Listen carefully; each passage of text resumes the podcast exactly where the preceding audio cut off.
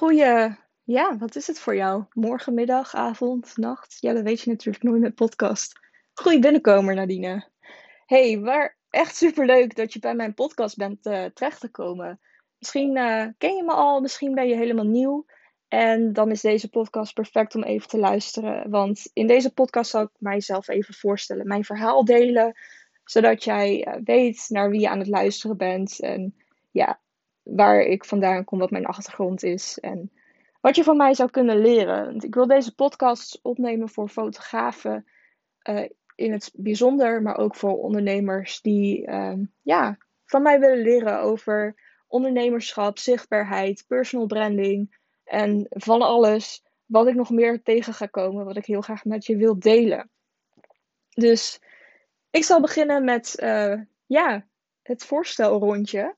Mijn naam is Nadine van Spanje. Ik ben op dit moment 24 en ik woon in Velendaal. Ik ben de eigenaar van Nieuw Fotografie en Focus op Ondernemerschap. En ja, in oktober is het alweer zes jaar geleden dat ik mijn bedrijf begon. Eerst, uh, eerst begon ik met Nieuw Fotografie in uh, 2015 en in 2019 kwam Focus op Ondernemerschap erbij. En ja, het is eigenlijk al jaren geleden dat ik mijn allereerste foto maakte. Ik weet niet meer precies hoe dat ging. Maar ik weet nog wel dat ik op vakantie ging met mijn ouders en mijn broertje. En dat wij toen uh, wegwerpcamera's kregen. Het was toen nog in de analoge tijdperk. Uh, tenminste, er was wel digitale fotografie. Maar ja, de meeste mensen fotografeerden nog gewoon analoog. En voor wie niet precies weet wat uh, een wegwerpcamera is, ik kan me voorstellen dat jongere kijkers dat niet meegekregen hebben. Maar dat is een camera waar je film in doet. Of ja, dat koop je al met film erin.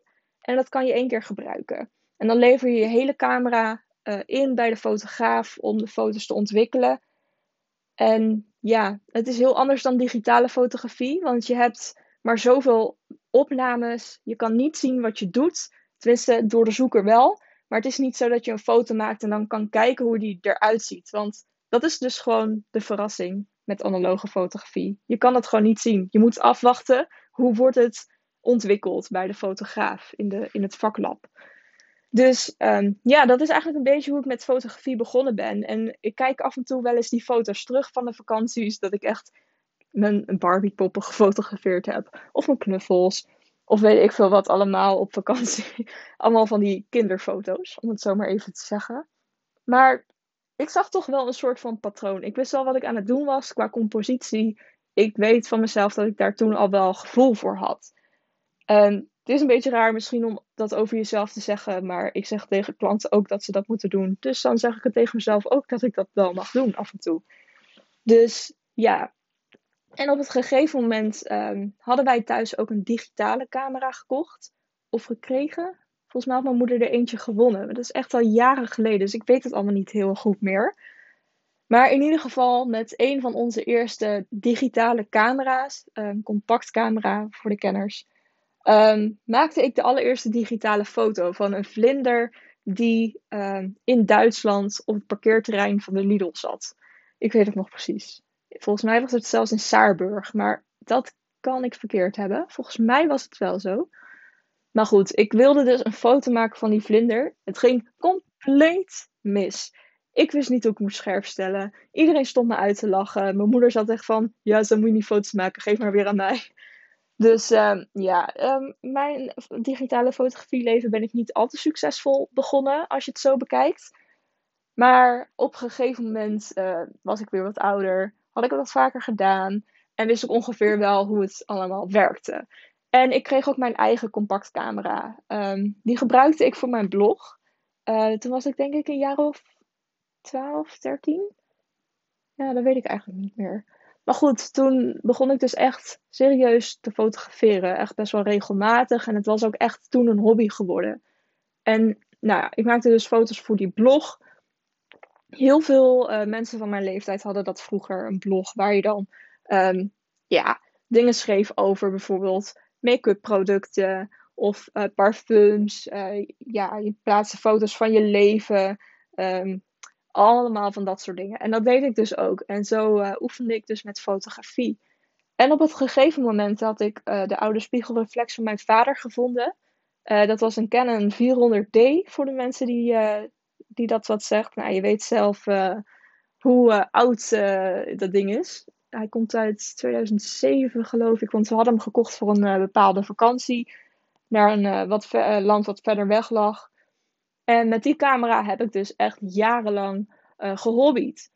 En toen was het op een gegeven moment ook zover dat ik een studie moest gaan kiezen. Ik deed HAVO 4 ehm, op dat moment. Maar ik heb er toen bewust voor gekozen om een MBO-studie te gaan doen. Studie fotografie. Ehm, ik had natuurlijk ook op HBO fotografie kunnen gaan studeren. Maar um, op MBO eh, sprak het mij gewoon heel erg aan dat je echt veel in de praktijk aan het werk was. Dus je liep ook uh, anderhalf jaar van de vier jaar stage. Je had fotostudio's uh, tot je beschikking. En je werd gewoon heel erg vrijgelaten. Um, ja, om maar gewoon lekker te gaan fotograferen. En op HBO eh, vond ik dat veel minder. Dat, dat was meer theorie er ook achter. En ik ben altijd van mening, je kan wel weten hoe iets werkt, maar je moet het ook kunnen doen. En ja, als je het gaat doen, dan weet je ook hoe iets werkt. Op het gegeven moment of van tevoren. Dat mag je soms zelf bepalen. En het is niet zo dat ik sowieso vind dat je een opleiding fotografie moet doen. Want je kan ook zonder opleiding een hele goede fotograaf worden. Maar ik zag er wel de meerwaarde van in.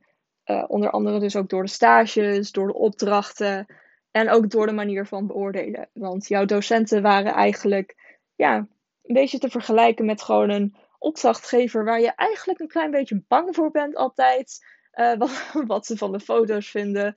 Dus uh, als je ook fotograaf bent, je hebt soms toch wel eens dat je uh, foto's bij iemand aflevert. En dat je toch een beetje die spanning voelt van oeh, als het maar niet slecht vinden of als ze maar niks op te merken hebben. Nou, dat was dus ook als je opdrachten aan het maken was op school. En dan was je altijd een beetje bang voor de reactie van de docenten. En die docenten waren ook best wel hard. Het was echt, echt best wel heftig. Want um, ik heb op een gegeven moment, dat, is me altijd bijgebleven, dat ik een portret aan het maken was van een vriendin van mij. En ik had een bloemenkrans in haar haar gedaan. Um, ik zal even vertellen wat de opdracht was. Ik moest een parfumflesje fotograferen als um, editorial. Er moest een um, nou, parfumflesje dus gefotografeerd worden. Heel technisch is dat. En daar moest dan ook een mooie sfeerfoto bij, voor op de achtergrond bijvoorbeeld.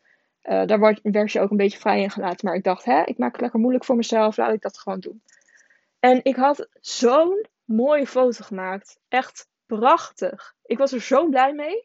En ik liet hem aan de docent zien en hij zat zo hard te miereneugen op kleine details.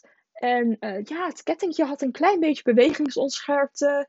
En ja, die bloemen had ik daar niet voor gekozen. En dit en dat. Dus ik mocht die hele foto opnieuw gaan maken. Terwijl als ik nu nog steeds die foto zie, denk ik van ja, hallo, daar was toch helemaal niks mis mee. Maar goed, zo streng werd daar dus uh, beoordeeld. En ja, dat kan, daar kan je van alles van vinden. En ja, ik vond dat gewoon prettig. Op het moment zelf niet. Daar had ik echt gewoon sommige docenten af en toe een beetje uit willen schelden, om het zo maar te zeggen. Als je meeluistert, sorry. Um, maar uiteindelijk heeft het wel uh, heel erg geholpen in waar ik nu sta als fotograaf. Dus, nou ja, dat dus. En in 2014 ben ik dus die studie gaan doen. In 2015 ben ik mijn bedrijf gestart. En dat was een beetje omdat ik me verveelde. Ik was namelijk HAVO gewend en ja, dat is een tikje moeilijker dan uh, de lesstof wat je krijgt op MBO. En bij mij was het ook zo dat er echt wel les gegeven werd op het niveau van de zwakste schakel. En ja, dat was gewoon niet zo heel prettig uh, achteraf.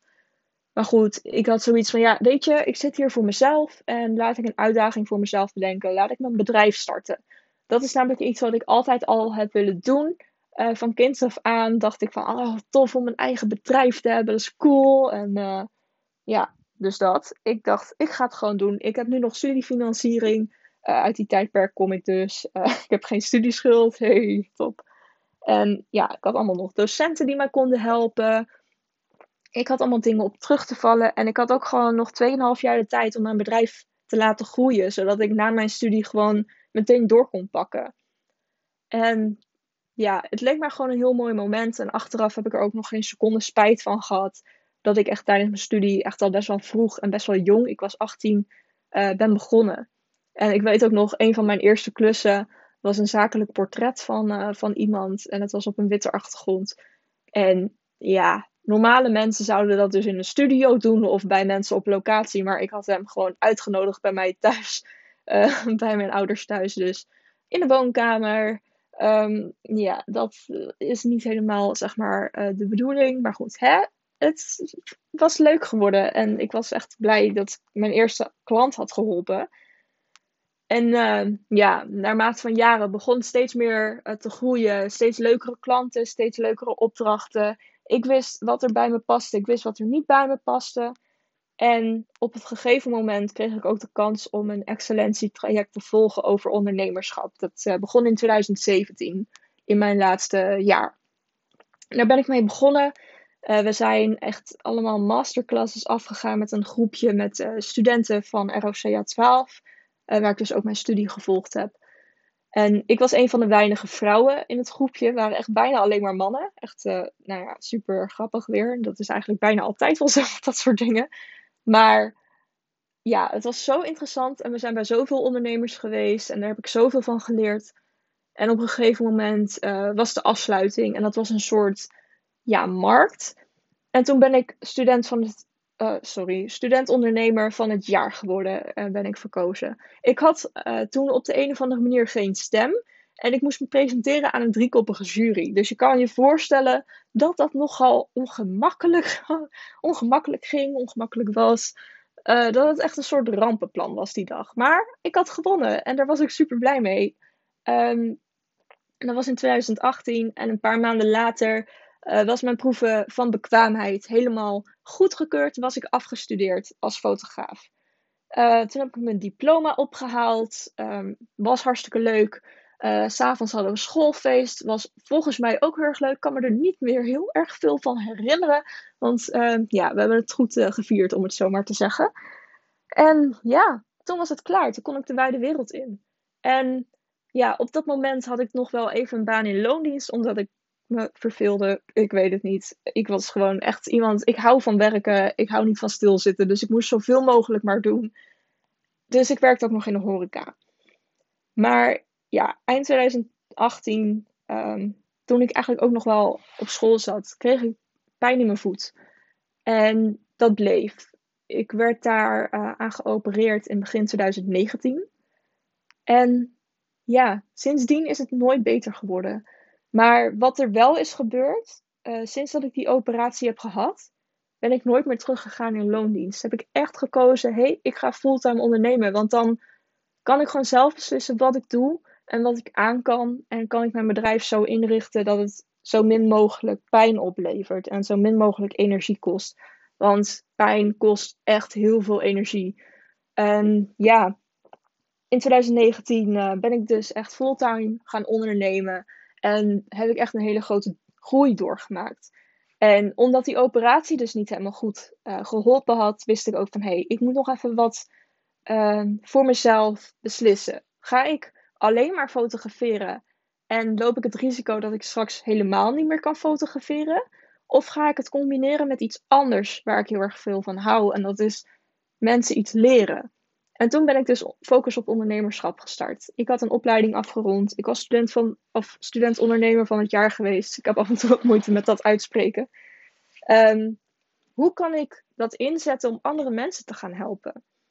Dus ik ben um, in mei, ik weet even niet meer hoeveel mei, um, heb ik focus op ondernemerschap geregistreerd. En ben ik gaan coachen. Gewoon YOLO. Ik wist niet dat ik het kon. Maar ik ben het gewoon gaan doen.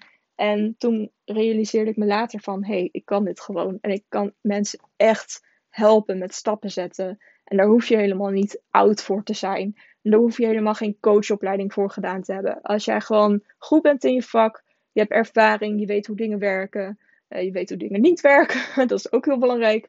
Waarom zou je het dan niet doen? En ja, toen ben ik zo hard gegroeid, echt niet normaal. En af en toe dan schaam ik daar een beetje voor om het te vertellen. Maar ik weet ook dat het heel goed is om te vertellen, omdat ik anderen ermee kan inspireren. En dat hoor ik ook heel veel terug van Nadine, jij onderneemt met chronische pijn. Hoe de fuck doe je dat allemaal? Want echt, ik zou het niet durven.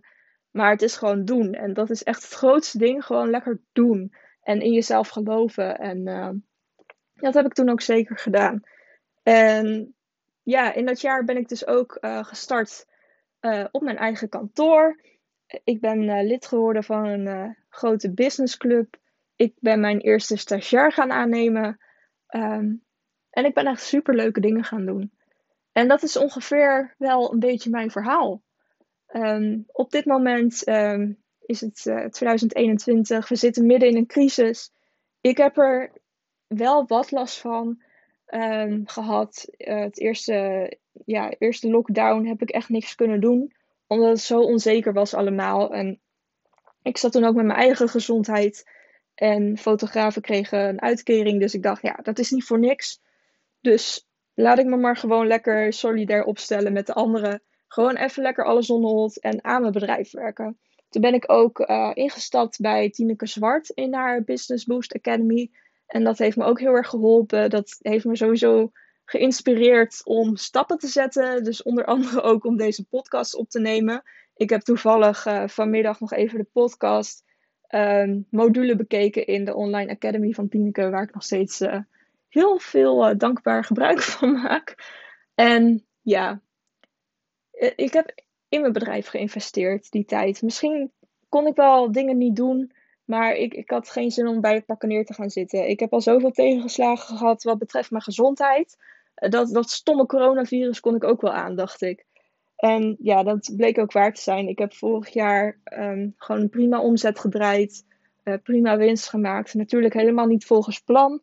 Um, maar dat geeft niet. Het gaat erom uh, dat je er zelf ook wat van leert. Dat je lekker positief blijft. Tenminste, in je mindset, niet in je coronatest. Daar moet je negatief blijven. Maar hè, je snapt wat ik bedoel. En inmiddels is het uh, 2021. Neem dit op in februari. Om precies te zijn, 19 februari. En we zitten nu uh, weer in een lockdown. En ik heb nu een beetje last van, uh, van de kappers. Want, nou ja, ik heb niet last van de kappers zelf, maar meer de maatregel dat de kappers dicht zijn. Want mijn klanten willen allemaal niet op de foto omdat hun haar niet goed zit. Dus uh, dat snap ik ook heel goed. Maar ik heb mijn bedrijf dus op een manier ingericht dat ik niet alleen afhankelijk ben van fotografie, maar dat ik ook uh, kan coachen op het gebied van ondernemerschap en het gebied van personal branding. En daar haal ik gewoon heel veel energie uit. En daar word ik gewoon heel erg blij van. En daar ga ik echt van aan. En ik gun dat gevoel iedereen met een bedrijf. Dat je echt iets doet uh, waar je van aangaat en waar je van houdt. En waar je echt al je energie uit kan halen. Dus dat het nooit voelt als werken. En ja, als ik werk, dan voelt het echt niet als werken. En daar ben ik heel erg blij mee. En zo hou ik het ook een beetje vol met mijn uh, chronische pijn en dat soort uh, onzin. En ja, als het interessant is, wil ik daar ook nog wel een losse podcast over nemen. Over ondernemen met chronische pijn. Ik denk dat dat ook wel heel erg interessant is. Want toen ik daar zelf naar op zoek was, kon ik daar dus niet zo heel veel over vinden. Dus ik kan me voorstellen dat ik niet de enige ben. Dus laat het even weten als je daar wat meer over wilt weten.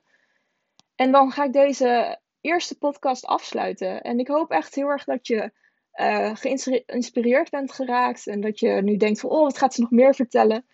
En ja, het is voor mij natuurlijk ook even nieuw. Dus mocht je tips hebben, uh, laat het maar vooral even weten. En ja, dan hoop ik je snel uh, nog een keer te, te spreken op deze manier. Want uh, ik vind het echt best wel leuk.